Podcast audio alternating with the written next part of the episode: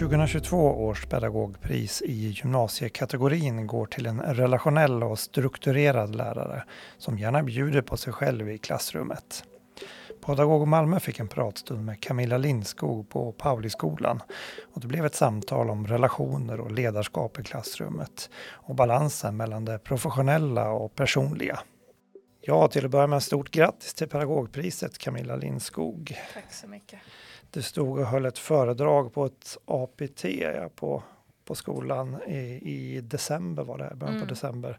När bland andra då förvaltningsdirektören och skolkommunalrådet eh, mycket oväntat får man väl säga dök upp och eh, kommer den här glada överraskningen att ha fått priset. Ja, till att börja med, hur, hur, kändes, hur känns det? Eh, nu känns ju det mesta som vanligt igen, men eh, det var ju en det var en alldeles fantastisk och rätt speciell stund att bli eh, hissad sådär framför alla publikt. Lite, lite, som en film nästan känner man. Eh, eh, och ja, en riktig, det var helt fantastisk känsla såklart. Det var det. Vad, vad skulle du säga, vad, vad betyder det att bli uppmärksammad för sitt arbete på det här sättet? Eh, jag tycker att det är ett fint ett fint sätt att lyfta fram pedagoger på. Um, det är ju såklart ett, uh, det är ett personligt erkännande och särskilt fint eftersom det är elever som har uh, nominerat. Uh, men jag tror kanske för, lär, för de flesta lärare så är det väl speciellt de här nomineringarna som är så roliga att, att få och kunna läsa Eh, jag har flera kollegor som, vi var väldigt många på Pauliskolan som blev nominerade och eh, det blir som en liten karamell att plocka fram och njuta av eh, sådär när man, när man behöver det. Och eleverna skriver ju fantastiskt fina saker. Kanske sånt som de inte tar sig tid till eller sådär känns kanske lite pinsamt att säga till vardags. Ehm, och så det tror jag nog är det viktiga med priset nomineringarna. Vi kan, vi kan lägga till att det är ju både elever och vårdnadshavare mm. och kollegor som kan, kan, kan eh, nominera till det här priset. Mm. Och, eh, vad kan det ungefär, vad kan det stå i de här mm, motiveringarna? Jag har haft en eh, talgrupp i år eh, som jag, för elever som har talängslan. Eh, och jag förstod på nomineringen att det var någon av dem som också, och jag vet ju nu i efterhand vem det var också. Eh, men och det var, ja att det spelar roll det man gör, att de, eh, de ser ens insatser och uppskattar det. Eh. En grupp om, om, omkring talängslan, du får berätta lite grann, vad, vad är det här för arbete? Eh, det har blivit, jag skulle säga det har blivit vanligare och vanligare. När jag började som lärare var det undantagsfall att elever inte, um, inte ville tala inför klassen. Och normen var ju att, att de höll sina presentationer inför hela klassen, möjligtvis halvklass. Eh, var då det lätta liksom. Men med åren så har det blivit allt fler elever som, som, eh, som antingen genomlider det och verkligen lider. Man ser på dem att de eh, har nära till tårar och det är liksom eh, plågsamt. Eller att de helt enkelt eh, undviker det nästan till varje pris. De tar hellre ett F än att ens göra det för kanske bara mig. Um, och det, det är lite problematiskt för att det är också att kunna hålla tal. Ja, hela poängen är att man ska hålla tal inför folk. Att bara göra det inför mig en enda gång, kan man då hålla tal? Ja, det är svårt att säga. Och, men summa summarum så kände jag att det var liksom inte hållbart längre. Uh, och då började jag läst en bok om talängslan. Ehm, och satte ihop en liten grupp eh, i min tvåa. Som jag då träffade eh, en gång i veckan i sex veckor. Och då tittade vi särskilt på strategier för hur man kunde hantera talängslan och, och så. Eh, och det, ja, nej, men det uppskattade de väldigt. Sen får vi se nu hur det, hur det går. Men jag har fått lite positiv, positiva signaler från andra lärare där de har hållit tal. Var det, var det ett eget initiativ där eller har du? Är det ja, just, ja, just detta var ett eget initiativ. Var det. Mm. Mm. Vad, vad säger de här eleverna? Eh, vad har det kommit fram för, liksom, vad finns det för bakgrund till att man, man känner så här? Eller vad? Eh, det går nog inte att säga generellt eh, för elever, men något, något som jag läste eh, i den här boken ehm, det var att just i, eh, rent psykologiskt när man går in i, ehm, i tonåren, alltså när man kommer upp på högstadiet så börjar det här problemet eller fenomenet dyka upp. Och att det handlar om att man blir medveten eh, om hur andra ser på en i allt större utsträckning och att eh, något som de aldrig har reflekterat över blir helt plötsligt ett problem.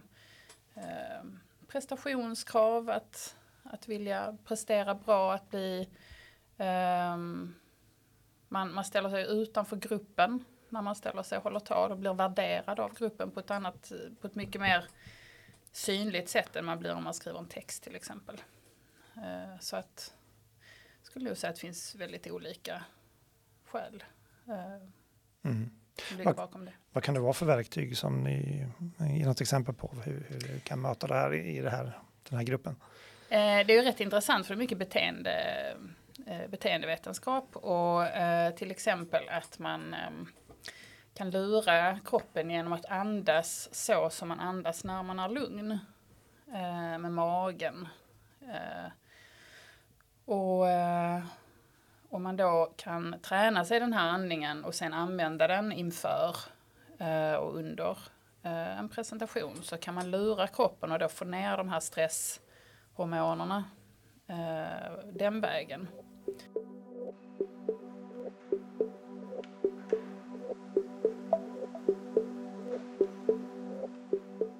Ja, men på den här APT så pratar du om ett skolutvecklingsprojekt då, kring special, specialpedagogik som du driver på, mm. på Pavliskolan. Kan du berätta lite mer om det här projektet? Ja, eh, framförallt så vill jag då lyfta fram att det är inte jag som driver det här ensam, utan det, liksom, eh, det stod någonstans och sen har det upprepats. Men det är ledningsgruppen på skolan som har tagit initiativ till detta och sen så är vi ungefär tio handledare eh, på, på skolan och arbetar med detta tillsammans mm. eh, med hela kollegiet. Eh, och det är, vi arbetar med moduler som finns på lärportalen under ämnet specialpedagogik. Och det andra året vi gör det.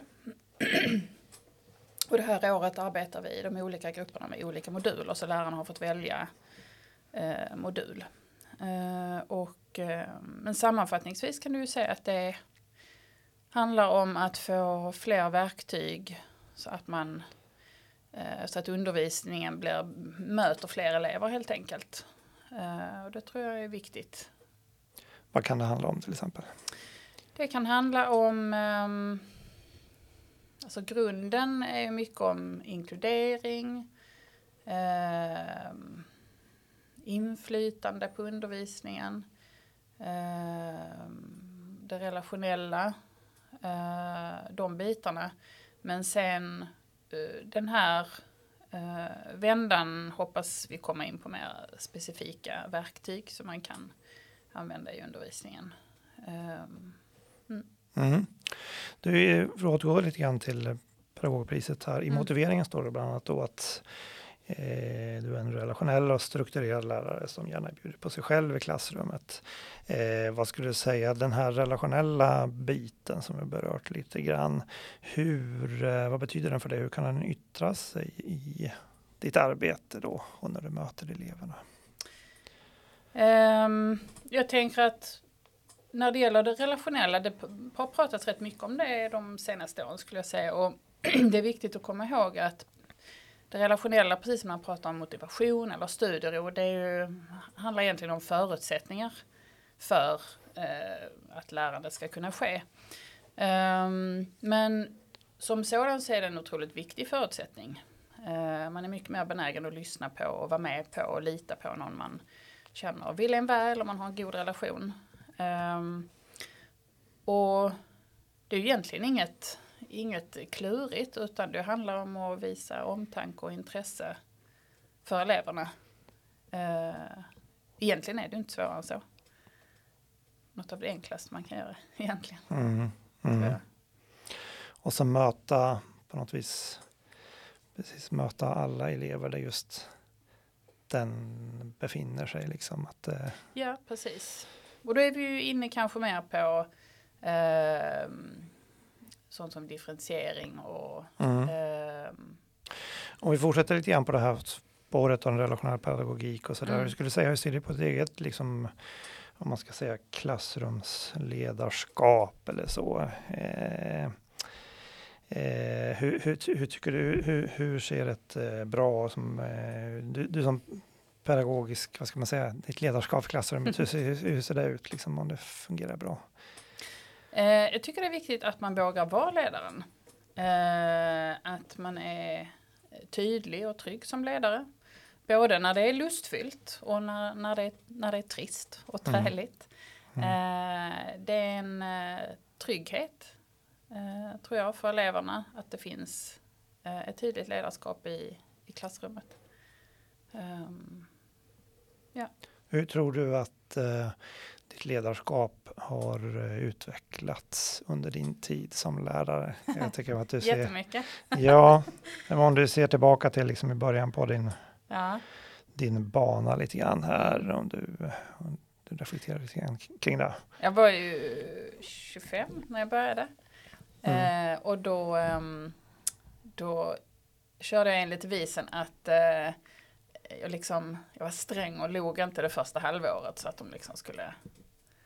Eh, nej, jag vet inte vad jag tänkte. Men alltså, det fanns väl någon tanke om att eh, att det var svårt att backa ifall man liksom hade blivit för mycket kompis tänkte, tänkte jag nog då. Utan att det var liksom viktigt att de hade respekt för en och gjorde som man sa och sådär. Och så kunde man släppa efter lite sen i, i efterhand. Ehm, men när jag tänker tillbaka på det så är, handlar det ju lite om att som ny lärare kanske man inte har eh, hittat sig riktigt i, i lärarrollen än. Eh, nu börjar jag nog i andra änden skulle jag säga. Men var det fanns en oro för att det skulle bli för mycket så att säga kompis med citationstecken med eleven? Eller vad? Ja, men jag kan tänka mig som ny lärare att, att den eh, att lärarrollen är inte lika liksom cementerad och man är inte lika trygg i den. Och då kanske det var lättare att glida över i eller liksom var går gränsen för eh, att vara kompis och vara lärare. Plus att jag var mycket närmare dem i ålder såklart. Mm. Skiljer ju inte så himla många år. Ehm, och på många sätt hade jag ju mycket mer gemensamt med en del av mina treor när jag var ny lärare än en del av mina äldre kollegor kanske. Mm. Så Mm. att det, den aspekten fanns ju också såklart. Om du fick gå tillbaka i tiden och eh, besöka dig själv så att säga klassrummet, vad skulle du ge dig själv för råd då som nybliven lärare? Jättemånga. Jag brukar ibland sådär när jag träffar äldre elever och så verkar de eh, liksom tycka jag vet att jag kan ibland skämmas för att åh, nu, nu fick de mig liksom när anno 2007 eller anno 2011 och jag är mycket bättre nu. Och, och, stackars dem, Mm. brukar jag tänka. Men ehm, eh, nej, men jag, det som jag hade fått eh, ta fasta på på något sätt som jag gjorde rätt då, det var väl att ta en sak i sänder och att, ehm, att fortsätta se på min eh, med kritiska ögon på mig själv i klassrummet och eh, se vad jag själv kunde förändra och göra bättre.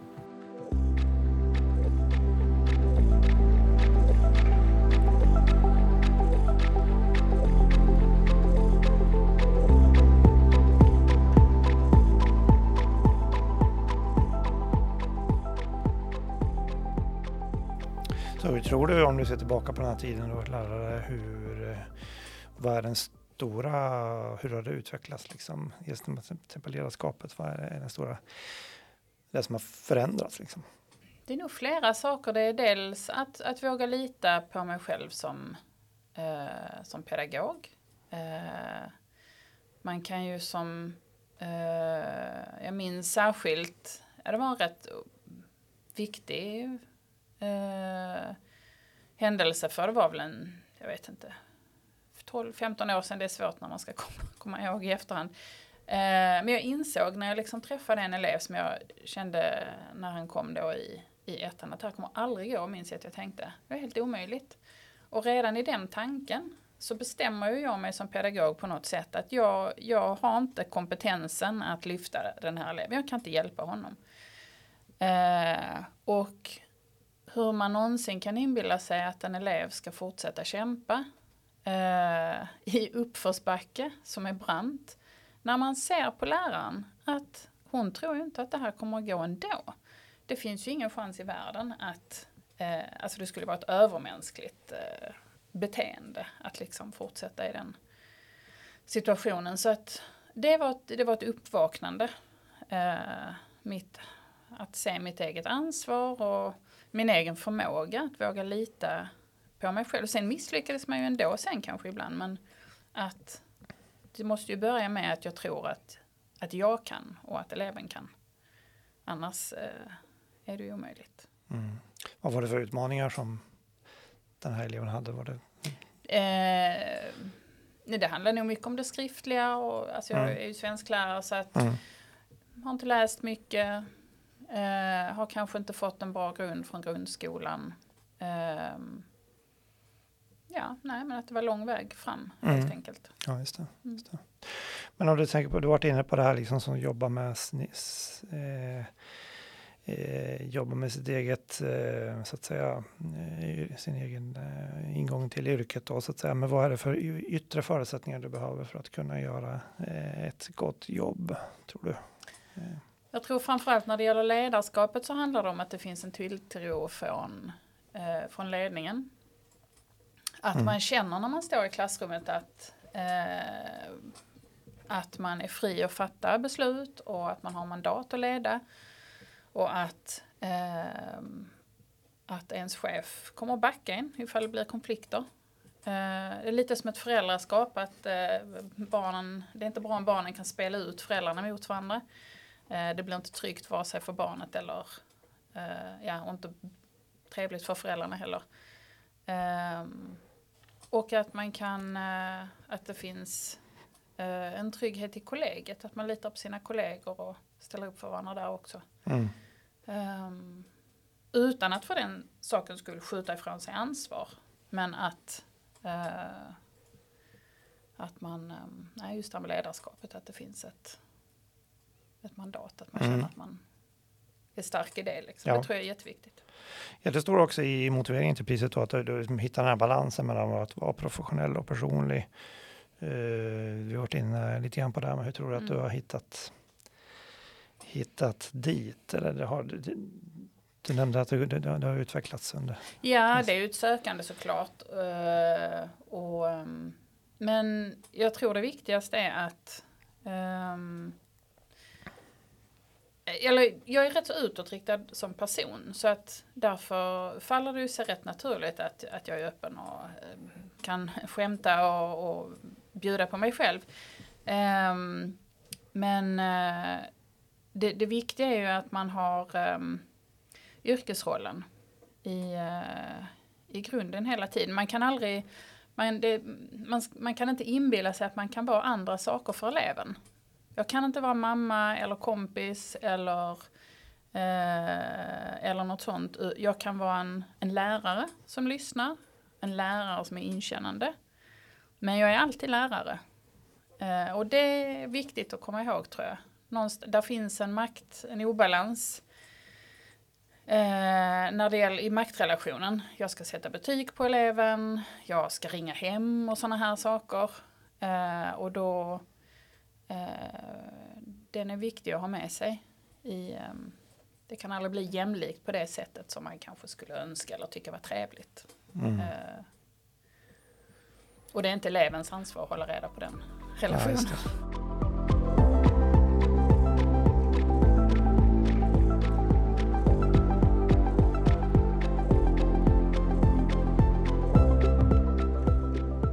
förstelärarrollen är ju lite, jag brukar säga att man får det bästa av två världar för jag får fortfarande undervisa mycket. Eh, och de här, jag tror det var um, Alve som skrev, han hade någon, skrev en bok om eh, just försteläraryrket och han kom också fram till det att Eh, den biten som de biträdande rektorerna kanske aldrig riktigt får tid till, det här med att eh, leda det pedagogiska arbetet. Det har liksom fallit över på förstelärare eh, i stor utsträckning. Och det är det som är den roliga biten. Eh, allt andra som biträdande rektorer behöver ägna sig åt, det, det slipper vi. Mm. Um, och det tycker jag personligen är roligt eftersom jag eh, trivs i klassrummet. Jag tror, men som förstelärare har man ju inga mandat att bestämma vad folk ska göra.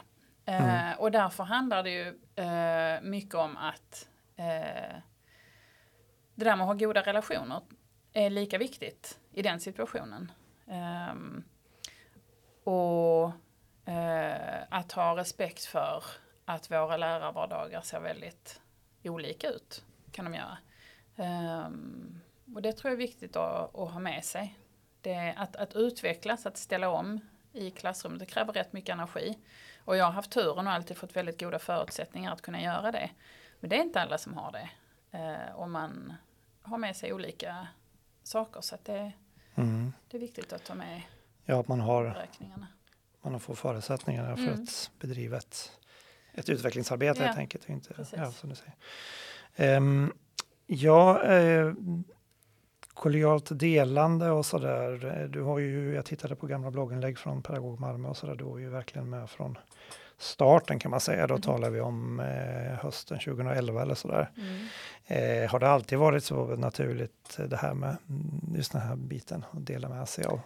Ja, det tror jag. Det var um, från min första arbetsplats på Öresundsgymnasiet, gamla Pilhamnsskolan, så minns jag uh, att de äldre lärarna delade med sig och att det var naturligt. Så att jag fick nog med mig det redan från början. Och sen så var jag med i lanseringen av en till en i skolan och jobbade som, jag hade en tjänst, eh, IKT-utvecklare tror jag att jag kallades. Eh, och då kom alltså med sociala medier och hela den eh, digitaliseringsruschen som kom där i början på 10-talet egentligen den byggde ju eh, jättemycket på, alltså den fick ju igång delningskulturen på, en, på ett helt annat sätt. Och jag tittar tillbaka på min blogg faktiskt som jag startade då, den var faktiskt från februari 2010. Så att ända, ända sedan dess egentligen eh, har jag delat mycket. Ja, det var ju många andra också pedagogsajter som drog igång just mm, där precis. början på 10-talet. Ja. Det har kommit betydligt fler mm. sen då. Um, men om man är inne på kollegialt delande eh, avslutningsvis här så för, föreläser jag också för blivande lärare, för mm. lärarstudenter och sådär. Vilka är de eh, viktigaste insikterna och erfarenheterna du kan dela med dig av till dem? Eller vilket medskick så att säga skulle du vilja ge till blivande lärare? Jag hoppas jag lyckas förmedla att yrket är ett långdistanslopp. Eh, kanske där man till och med aldrig går i mål. man springer och springer och kommer aldrig fram. Eh, men man kommer närmare målet. Eh, och man lär sig otroligt mycket på vägen. Så jag tror nog det är det att jag tror aldrig att man kan gå in i ett klassrum eh, och bara och känna att nu är jag färdig eller nu är jag nu, nu sitter det. Utan det, det är otroligt komplext och det förändrar sig hela tiden. Um, och det finns otroligt många intressanta saker att lära sig. Så att om man bara kan se på det så och inte tänka på allt man inte kan än så tror jag det är ett vinnande koncept för att hålla och hitta lust i arbetet. Tack så mycket Camilla Lindskog för att du var med i Podagog Malmö. Mm. Tack så mycket. Du har lyssnat på Podagog Malmö, en podd som görs av redaktionen på Pedagog Malmö. Vem vill du höra i podden framöver? Maila oss på pedagogmalmo.malmo.se. Vi finns också på Facebook och där heter vi Pedagog Malmö.